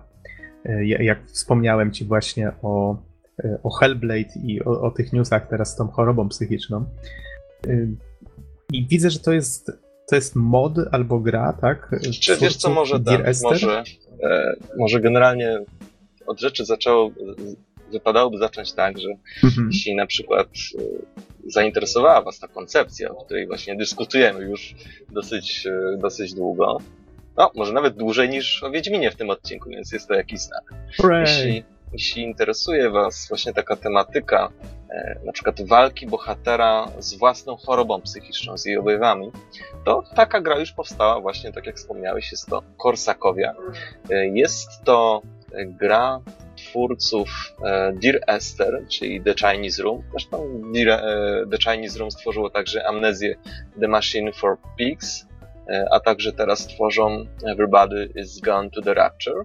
I no właśnie, Generalnie Korsakowia to jest gra z 2009 roku, jest takim psychologicznym horrorem e, i jest to e, no jest dosyć charakterystyczna, bo właściwie to jest mod e, do Half-Life'a 2 i właśnie to jest gra z tego okresu, kiedy The Chinese Room robiło jeszcze mody, a nie takie pełnoprawne, jakby standalone gry. Zresztą D-Rester też na początku było modem. I cała gra polega na tym, że, że kontrolujemy Christopherem, który, człowiekiem, który cierpi właśnie na zespół Korsakowa, a zespół ten, jak podpowiada mi e, ciocia Wikipedia, on powoduje ostre zaburzenia pamięci bieżącej i niedawnych zdarzeń, e, przy czym e, wspomnienia związane z jakby okresem sprzed choroby są czytelne. I właśnie te zaburzone wspomnienia są wypełnione E, konfabulacjami, e, które są właściwie takimi fikcyjnymi wspomnieniami. E, no i na przykład pojawia się apatia i inne tego typu rzeczy. No i ja sam osobiście w grę nie grałem, natomiast o niej słyszałem, spotkałem się gdzieś z tym tytułem wcześniej. Natomiast wydaje mi się, że, że jakby sam fakt, że, to jest The Chinese Room, to są generalnie ludzie, którzy specjalizują się w takich rzeczach, co zresztą wychodzi chociażby E, w ich grach, być może, być może warto się tym tematem zainteresować. Więc jeśli ktoś, e, jeśli ktoś chciałby, e, chciałby ten temat nieco odgrzebać, właśnie ten motyw walki bohatera z chorobą jakąś swoją psychiczną, to myślę, że Korsakowia jest jeszcze gdzieś do odgrzebania. Mm-hmm. I wydaje mi się, że najwyższa pora, żebyśmy przeszli już do tematu głównego, tak? Czyli do. Chyba, że jeszcze Don masz coś do dodania. Nie, możemy lecieć za księżyc, a potem okay. upaść. A potem upaść, tak. A, a to właśnie tak a propos początku The Fall, bo tytuł, tytuł właściwie nawiązuje do, albo może nim zacznę mówić o fabule, to, to podajmy troszeczkę informacji wikipedycznych, chociaż no właśnie nie udało mi się znaleźć strony na wiki, więc musi starczyć strona Giant Bomb, na której jest podana informacja, że gra wyszła 30 maja 2014 na PC, Wii U, Maca i Linuxa. Nie wiem, czy te wersje jakoś tam się różniły czasowo, kiedy wychodziły, no to, to może trzeba było troszeczkę dokładniej poszukać. E, niemniej teraz udało mi się dostać grę na właśnie na trwającym Summer Sale na, na Gogu za jakieś śmieszne pieniądze. Ja już wcześniej przyglądałem się tej grze, bo ona wygląda na, wyglądała mi przynajmniej na platformówkę z otwartym światem. No, tutaj jakby nie ukrywając, myślałem, że to coś w rodzaju takiej Metroidvanii. Z kolei okazało się, że gra jest bardziej, bardziej przygodówką point and click. Wiem, że zabrzmi to dziwnie, ale to jest, to jest właściwie. Mm, to jest właściwie gra, która jest platformówką 2,5D. W ten sposób się poruszamy. Mamy, mamy dwuwymiarowy gameplay, poruszamy się lewo, prawo, możemy skakać. Podchodzimy do przedmiotów, możemy wejść z nimi w interakcję, coś podnieść, uruchomić, możemy użyć jakiegoś innego przedmiotu na czymś, e, albo na to znaczy, przykład... wiesz co, wybacz, że mhm. ci przerwę, ale ostatecznie 2,5D chyba nie jest najtrafniejszym określeniem. Bo z tego co widzę, popraw mnie jeśli się mylę, ale mhm. chyba sam bohater jest w pełni trójwymiarowy, tak samo jak i e, część otoczenia. Tak, tak, tylko zwykło się mówić, jest znaczy, takie określenie... 2,5D, przynajmniej w moim rozumieniu i Aha. w rozumieniu źródeł, z których korzystałem, to jest po prostu e, to jest po prostu jakby um, imitacja trzech wymiarów w wymiarach dwóch. To znaczy, ja się spotkałem z innymi określeniami i ja zawsze stosowałem ten, ten zwrot w odniesieniu do gier, w których E, w których kierujesz w, w dwóch płaszczyznach, a z kolei mhm. widzisz, widzisz gdzieś tło, na przykład, które jest trójwymiarowe. E, chociaż zauważyłem, że z reguły używa się czegoś takiego w odniesieniu do gier, w których faktycznie obiekty są trójwymiarowe, a, a z kolei gameplay przypomina starą grę 2D. Platformówkę z reguły. Mhm. Więc to w ten sposób. Na przykład w przypadku Castlevanii pamiętam był taki remake e, Rondo of Blood, który wyszedł na PSP, nazywał się Dracula, The Dracula X Chronicles. No i tam na przykład wszystkie obiekty przerobiono na 3D, ale nadal się grało w to tak jak w tą starą wersję. Tak, i na przykład The Trine też jest tego typu tak, przykładem, tak, że tak, mamy całkowicie trójwymiarowy świat, ale poruszamy się tak jak w grze dwuwymiarowej. No cóż, jest to taka rzecz dosyć formalna, ale mhm. E, uznałem, że, że warto, to, warto to trochę rozjątrzyć, wyjaśnić, no i ewentualnie po podcaście staniemy do pojedynku jak prawdziwi mężczyźni e, partyjka szachów. Partyjka szachów. E, nie, ale jak, jak, najbardziej, jeżeli coś jest niejasnym terminem, to, to dobrze, że mnie przycisnąłeś, żebym powiedział, co przez niego rozumiem, tak? Powiem, że w przypadku The Fall nawet nie do końca jasne jest to, czy ta gra jest, na pierwszy rzut oka przynajmniej, czy ta gra jest trójwymiarowa, bo ona wygląda dość mocno jak taki, jak, jak taki czysty 2D, ale jak już się troszeczkę w nią pogra, poogląda niektóre efekty świetlne i inne tego typu elementy, to faktycznie widać, że to, to jest. To jest 3D, tak? Tylko, że kierujemy Mnie w dwóch osobiście skojarzyło się z Limbo. Tak, bo kolorystyka jest bardzo podobna, jest bardzo dużo czerni w tej grze. Muszę przyznać, że dobrze, że grałem w tę grę w nocy, bo mam wrażenie, że za dnia mało, by co, mało co bym widział na ekranie w ogóle. Być może nie świadczy to zbyt dobrze o, o tym, jak, jaki kontrast twórcy zastosowali, ale na pewno działa to pozytywnie na klimat, który chcieli uzyskać, bo zwiedzamy tutaj ciemne kompleksy, jakieś jaskinie, mamy latarkę i wszędzie właściwie panuje taki mrok albo półmrok. Rzadko kiedy jest gdzieś jasno. Mam wrażenie, że chyba chyba nigdzie w grze nie jest tak zupełnie jasno. Więc gra jest dość mroczna pod tym względem. E, wracając może na moment do mechaniki, jeszcze oprócz tego, że gra jest właściwie taką przygodówką, w której po prostu poruszamy się w specyficzny sposób, e, bo było tutaj sporo takich momentów typowo, na które cierpi wiele przygodówek i które pamiętam właśnie sam, jak grałem wiele klasyków tego typu, że na przykład zdarzało mi się wykorzystywać wszystko na wszystkim, tak, czyli zebrałem jakieś, jakieś przedmioty, nie wiedziałem zbytnio co robić, więc zacząłem wykorzystywać co się dało na, na rzeczach, myśląc, że może to coś da. E, musiałem się zastanowić na przykład, jak rozwiązać jakiś problem, gdzie co położyć, żeby, żeby coś się stało. I gra faktycznie... Wiesz co? Mhm. Wydaje mi się jeszcze tak... W sumie e, ten temat też jest dosyć interesujący, bo wydaje mi się, że warto postawić pytanie, e, czy, czy to jakby ten fakt, że czasem po prostu zdarza się używać wszystkiego na wszystkim. Czy źle świadczy albo, o zagadkach. Albo tak? jak, e, jak w grach e, point and click. E, ja osobiście ukułem takie jakby zdanie już, już dłuższy czas temu, że właśnie w grach point and click no rzadko, bo rzadko, ale zdarzało mi się spróbować wyczerpać jak największą ilość możliwości w jak najkrótszym czasie, więc po prostu klikałem wszędzie. E, natomiast. E, natomiast e, jakby bo to też jest kwestia designu, czy on jest na tyle czytelny, że jakby wprowadza cię dobrze w zagadki, a na ile nie. Natomiast jednak wydaje mi się, że, że to też stoi trochę po stronie gracza. Nie ma się co, nie ma się co czepiać przygodówek. Nie twierdzę, że się czepiasz, ale mówię dosyć ogólnie. Nie ma co się czepiać przygodówek, że powiedzmy poziom trudności w nich rośnie albo już jest wysoki. Y, bo, bo to do pewnego stopnia może się okazać ich cechą. Mhm. No, akurat w tym przypadku chciałem tylko zwrócić uwagę na to, że gra z, materiałów promocyjnych, z filmików i ze screenów sprawia wrażenie czegoś zupełnie innego niż jest naprawdę. Mhm. I tak tylko zwracam na to uwagę, żeby nikt się nie poczuł, powiedzmy, no, oszukany. oszukany tak. Mówiąc dobitnie. dobitnie, zgadza się. I, I, żeby nie korzystał z tej refundacji na Steamie czy, czy na Gogu. Wracając A ile do... da się ukończyć tę grę? No tak zupełnie z powodu pytam. E, ja ją skończyłem po pięciu godzinach. Dwie godziny, tak dobrze, dobrze. tak, powiem tak, jeżeli faktycznie wie się co robić, nie wątpię, że da się tę grę skończyć dwie godziny spokojnie, może nawet półtorej. Nie wiem, nie, nie mierzyłem, prawda? Ale ja tu bardziej patrzę na to, ile trwała faktycznie ta, ta zabawa za pierwszym razem. Jedna rzecz, o której mi przypomniałeś. Mamy tą latarkę, ona nie daje zbyt dużo światła. Zaraz przejdę do fabuły, przyrzekam. ona nie daje zbyt dużo światła, ale ona służy nam za, za coś w rodzaju kursora. Ja, ja akurat grałem na padzie, później jeszcze przy okazji VAT powiem, dlaczego, dlaczego początkowo nie był to zbyt dobry wybór, ale potem się przyzwyczaiłem.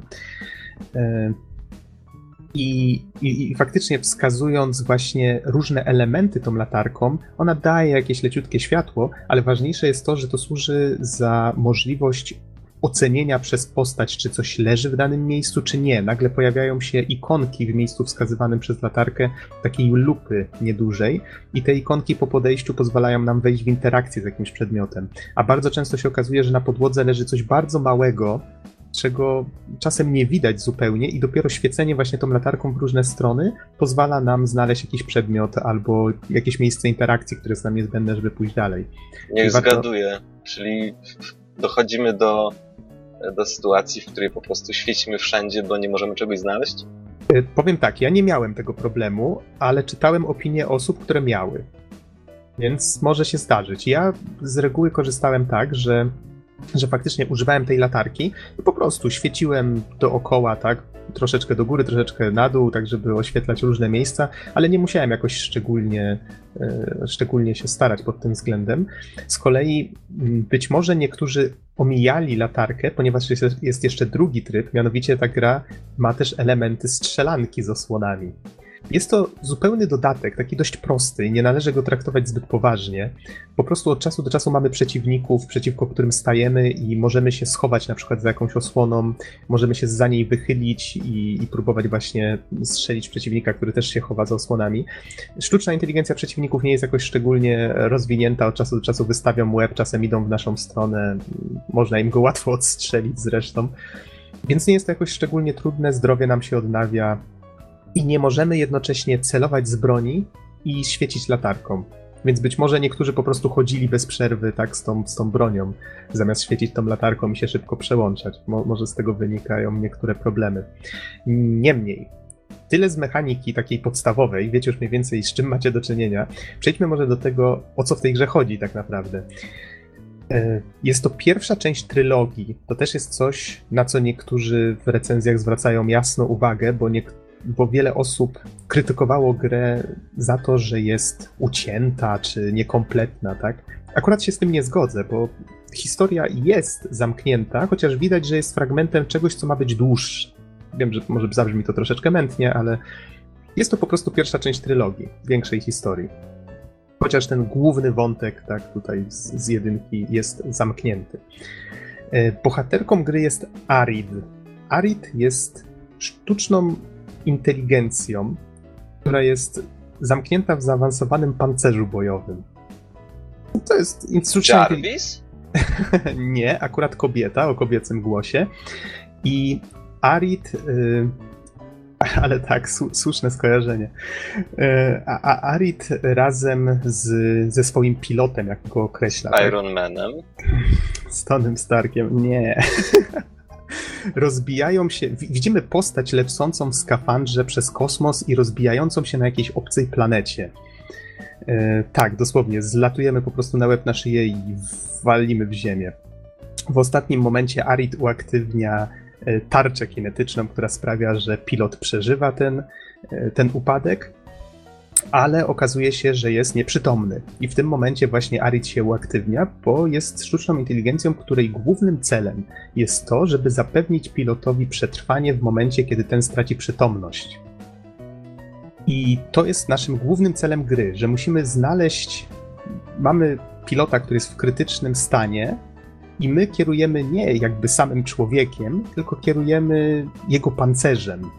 Kierujemy... To jest bardzo ciekawa, ciekawa idea, czyli, czyli e, kierujemy właśnie e, tym pancerzem. Powtarzam to, co ty przed chwilą, ale Aha. doszedłem do takiego wniosku przed chwilą. I mamy w środku nieprzytomnego człowieka, które, tak. którego E, którego ciałem też jakby pośrednio kierujemy. Tak, pośrednio, zgadza się. I on potrzebuje natychmiastowej opieki medycznej i naszym głównym celem jest znalezienie mu jej. Czyli to jest bardzo, bardzo ciekawy pomysł. Pomysł jest super, naprawdę jest ekstra i od samego początku właśnie wydało mi się to bardzo interesujące. I no tak jak wspomniałem, rozwijamy się na nieznanej planecie. Być może nasz pilot wie, po co tam jesteśmy, może był to wypadek, no nie wiadomo, e, ale my jako ta sztuczna inteligencja nie mamy zielonego pojęcia, po co tam jesteśmy, wiemy tylko, jaki jest nas, nasz cel nadrzędny, tak? Czyli musimy ochronić pilota. Co już nawet na, na zwiastunie jest powiedziane jasno, że e, moim głównym celem jest tak ochrona pilota za wszelką cenę. To, to jest bardzo tutaj trafne, trafne zdanie, które dobre, dobrze podkreśla Arid.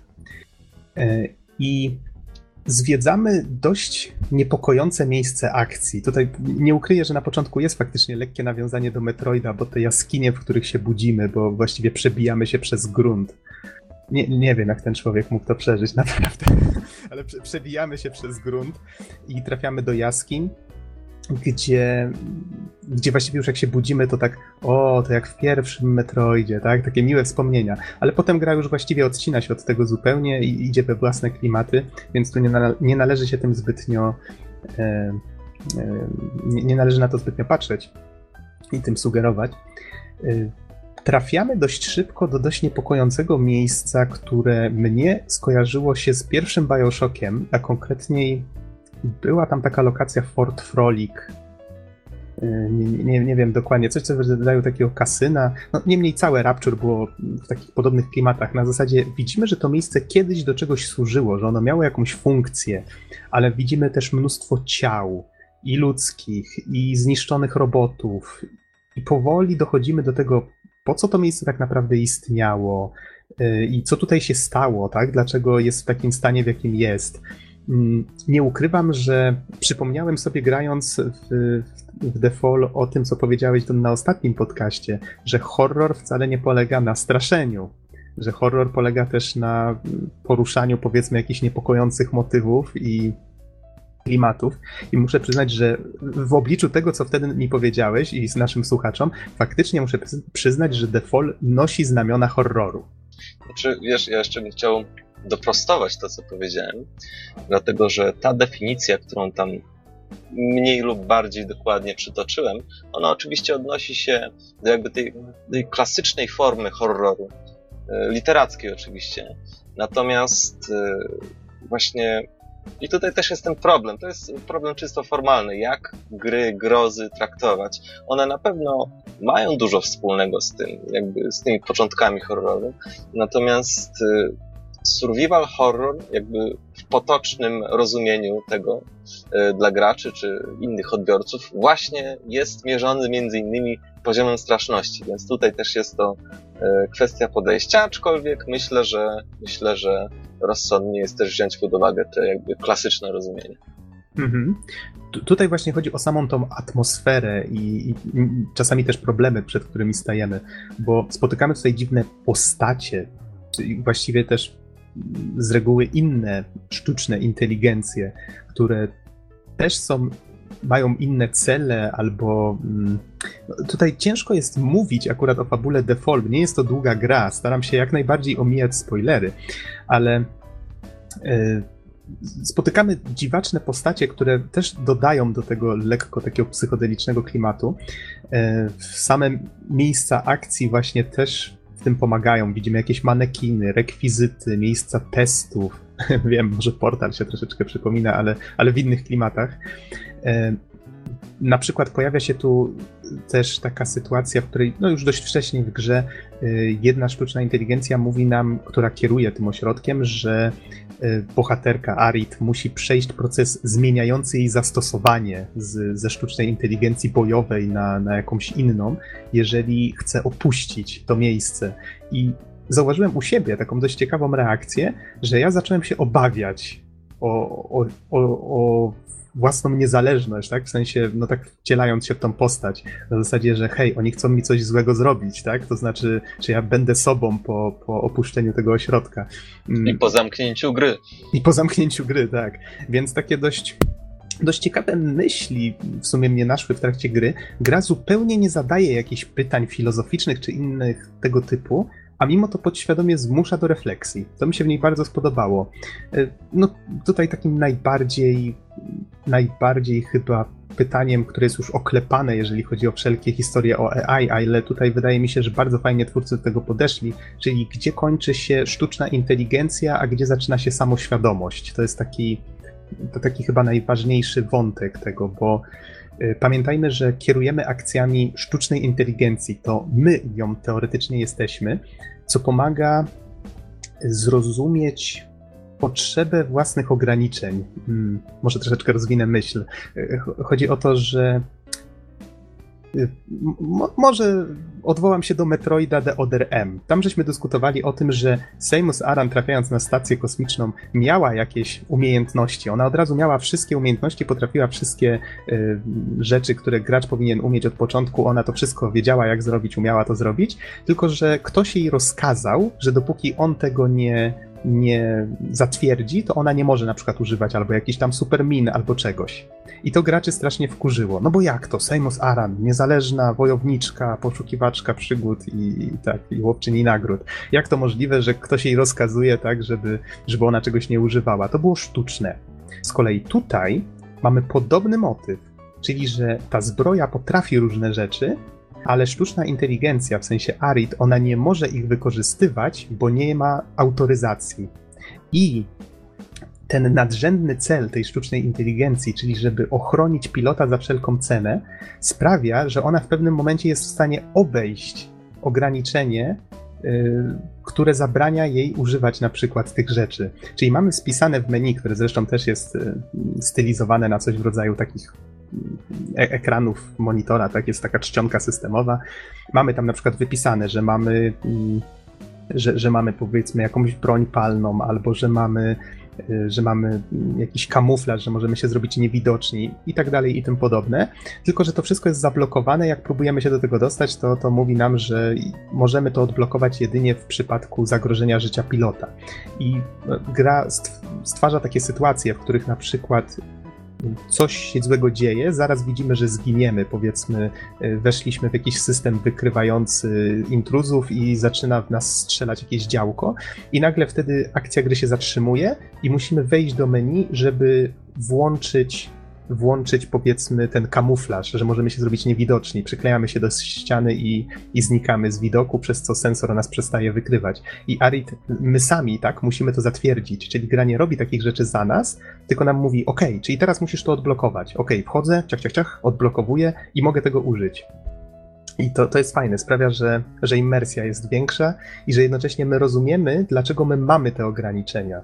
To nie jest sztucznie wprowadzone. My wiemy, że to jest właśnie część natury tego, kim jesteśmy, tak, w tej grze, czyli to, co mówisz, inteligencją. Brzmi bardzo zachęcająco, bo wygląda na to, że, że odgrywanie roli jest tutaj e, bardzo sprytnie zrobione i że faktycznie przez tego typu rzeczy e, budujemy jakby pewną charakterystykę e, naszej bohaterki. To jakby w sposób praktyczny.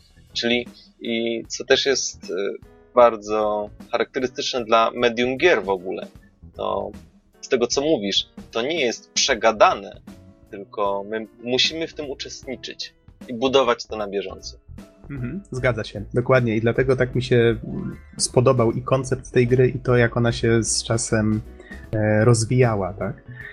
I, no i tutaj kończąc już jakby o, o fabule, żeby za dużo nie powiedzieć, czujemy też tą potrzebę łamania tych ograniczeń. I to w pewnym momencie też nasze działania jako gracza, mimo tego, że to wszystko jest oskryptowane, one też przyczyniają się do rozwoju Arit jako postaci, więc to jest bardzo fajne.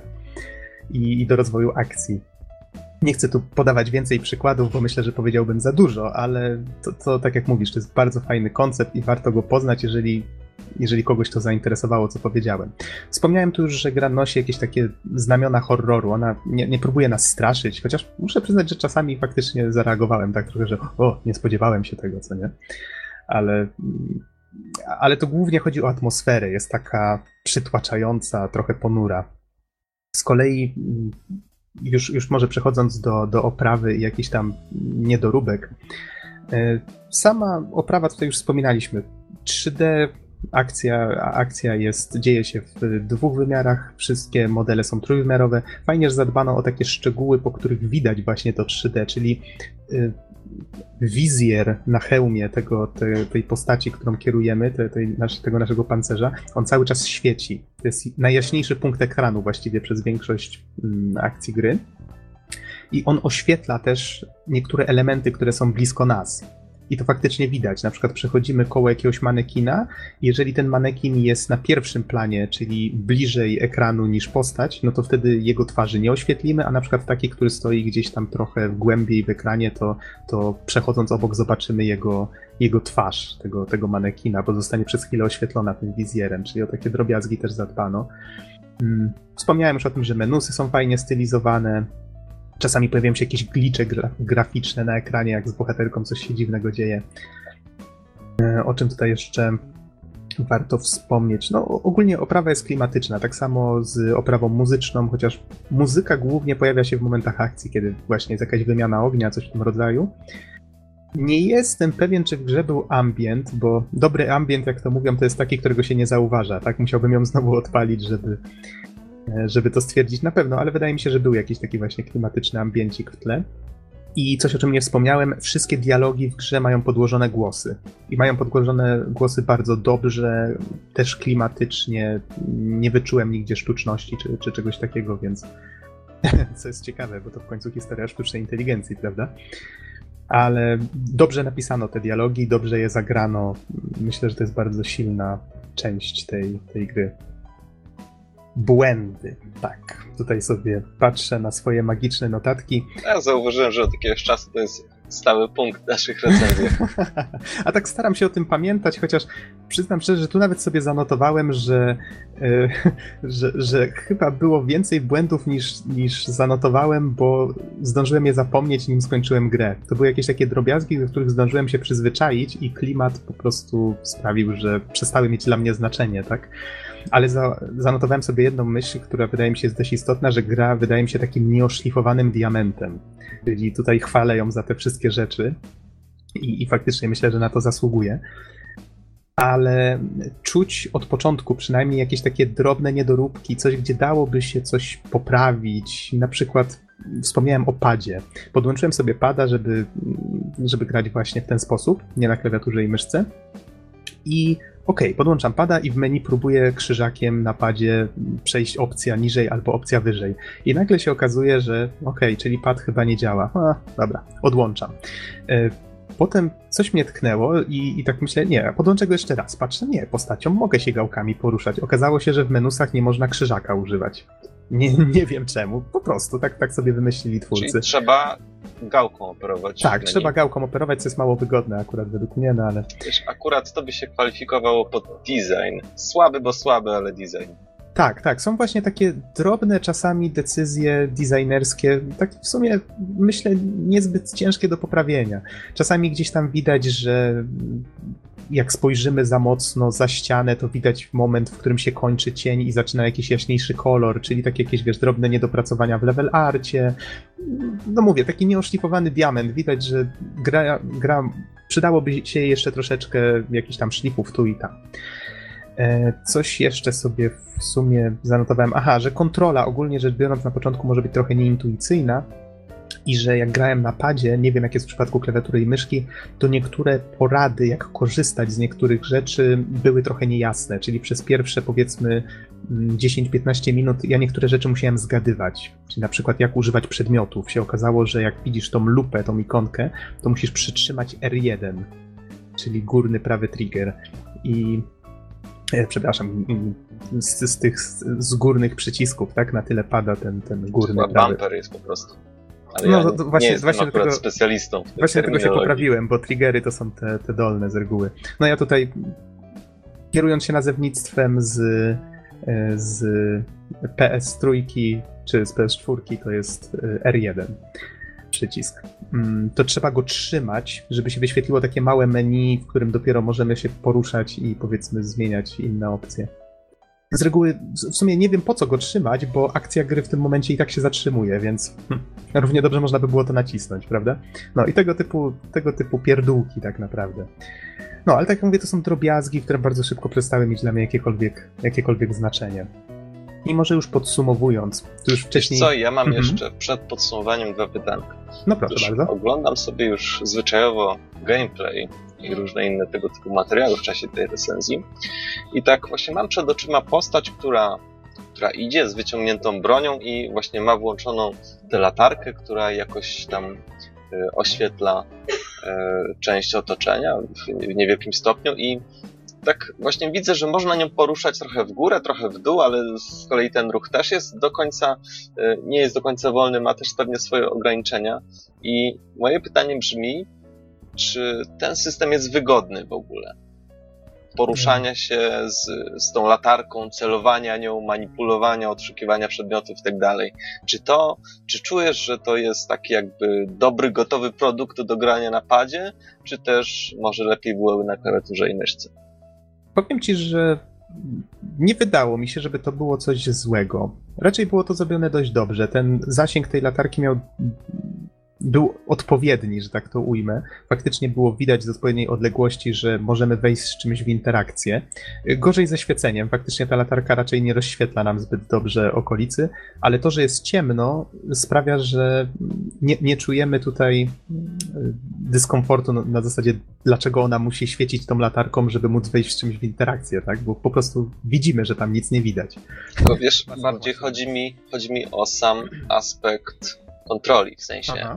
na przykład y, stoisz sobie w korytarzu i chcesz, y, tak, na przykład domyślasz się albo stawiasz, że nad tobą jest coś ważnego, powiedzmy chcesz poświecić maksymalnie do góry i jak to się kończy, czy na przykład możesz wysoko ponad głowę świecić, czy też po prostu musisz zmienić pozycję, odwrócić się i dopiero potem przesunąć tę latarkę, bo ze względu na ograniczenia mhm. kątu.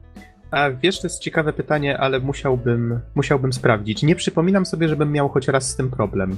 Więc y, jeśli cała, coś cała kontrola... niezauważalne, to, chyba to po prostu było, jakoś tam działa. Chyba było dobrze, tak, bo mam wrażenie, że kontrola przede wszystkim była responsywna, czyli jak, jak tylko jakąś czynność kazałem postaci zrobić, to ona nie zachowywała się jak pączek w maśle, tylko, yy, przepraszam, jakby ślizgała się na, na maśle, tak, czy coś tam. Coś mi się ostatnio, coś mi się ostatnio z tym, z tym pączkiem od tego Geralta, jak opowiadałem, jak on się porusza, coś mi się tak zachowało i chyba głodnemu chleb na myśli po prostu. Wracając do, do Arid, tak? wydaje mi się, że, że kontrola jest dobrze zrobiona. Jedyne, co mi się. Znaczy, kontrola, w sensie, że responsywność postaci jest odpowiednia. Jedyne, co mi się wydało dziwne, to sposób, w jaki ona chodzi. Ten kroczek taki z wystawionym pistoletem do przodu wydał mi się taki ściepko sztuczny, ale może. Ale to... w końcu jest sztuczna.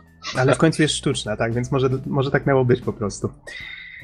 I jeszcze mam drugie pytanie. Aha, no. Nie dam ci spokoju dzisiaj. No proszę, proszę. E, otóż na, na wszystkich materiałach, które obejrzałem sobie i które dalej oglądam, struktura poziomu jest dosyć prosta. W sensie podłoga praktycznie jest płaska i mamy tylko tę możliwość lewo i prawo. I oczywiście nie mam wątpliwości, że pewnie są jakieś drzwi, w które można wejść i że jest to jakoś urozmaicone, ale czy nie ma jakiejś pionowości tutaj w level designie, czy tylko mamy tę możliwość lewo-prawo? Być może po zwiastunach faktycznie można odnieść takie wrażenie, ale gra ma, ma też pionową strukturę. Mamy jakieś windy, mamy drabiny, mamy schody, czasami właśnie one istnieją w tle, czyli powiedzmy naciskamy do góry, postać wchodzi na, na piętro schodami, które są gdzieś tam z tyłu. Więc no, jest dużo bardziej skomplikowane niż być może wydaje się na zwiastunach. I faktycznie... Myślę, że to jest, to jest chyba trochę błąd, że tego nie pokazano na zwiastunach. Aha. Bo, bo właśnie może, na dwóch oficjalnych na stronie właśnie wygląda to tak, jakby to była taka chodzona gra lewo-prawo, poza ewentualnie drzwi do następnego pomieszczenia. Mhm. Y, jeżeli chodzi o strukturę, e, strukturę pomieszczeń, to gra faktycznie przypomina trochę mm, Metroidvania, czyli w sensie platformówkę z otwartym światem, tylko działa to tutaj w ten sposób, że jest ten świat podzielony na takie niewielkie sekcje i jeżeli wykonamy wszystko, co w danej sekcji mieliśmy zrobić, ruszamy do następnej jesteśmy odcinani od tej poprzedniej. Czyli tak to działa. No i w pewnym momencie trafiamy do takiego miejsca, które jest trochę większe i tam faktycznie mamy jakieś powiedzmy dwa piętra, mamy jakieś przejścia wentylacyjne między nimi i tak dalej i tym podobne, co nie? Więc możemy wracać, chodzić różnymi drogami. To taka, taka mały, mały, otwarty świat. No zabrzmi to troszeczkę dziwnie, ale tak jak wspomniałem, grę lepiej traktować jako, mm, jako przygodówkę w takiej troszeczkę dziwnej oprawie więc w ten sposób. Wydusiłeś już ze mnie wcześniej, ile godzin mi gra zajęła, więc tutaj nie będzie niespodzianką, jak powtórzę, że 5 godzin w nią grałem, ale widziałem też opinie na temat tej długości. Niektórzy twierdzili, że ukończyli ją w półtorej godziny. No, przyznaję, że być może czasami gdzieś tam nie wiedziałem, jak rozwiązać jakiś problem, kombinowałem, Zdarzało mi się to, ale ostatecznie jakoś do wszystkiego można dojść albo metodą prób i błędów, albo zastanawiając się właśnie przez chwilę sensowniej, co my tak naprawdę musimy zrobić.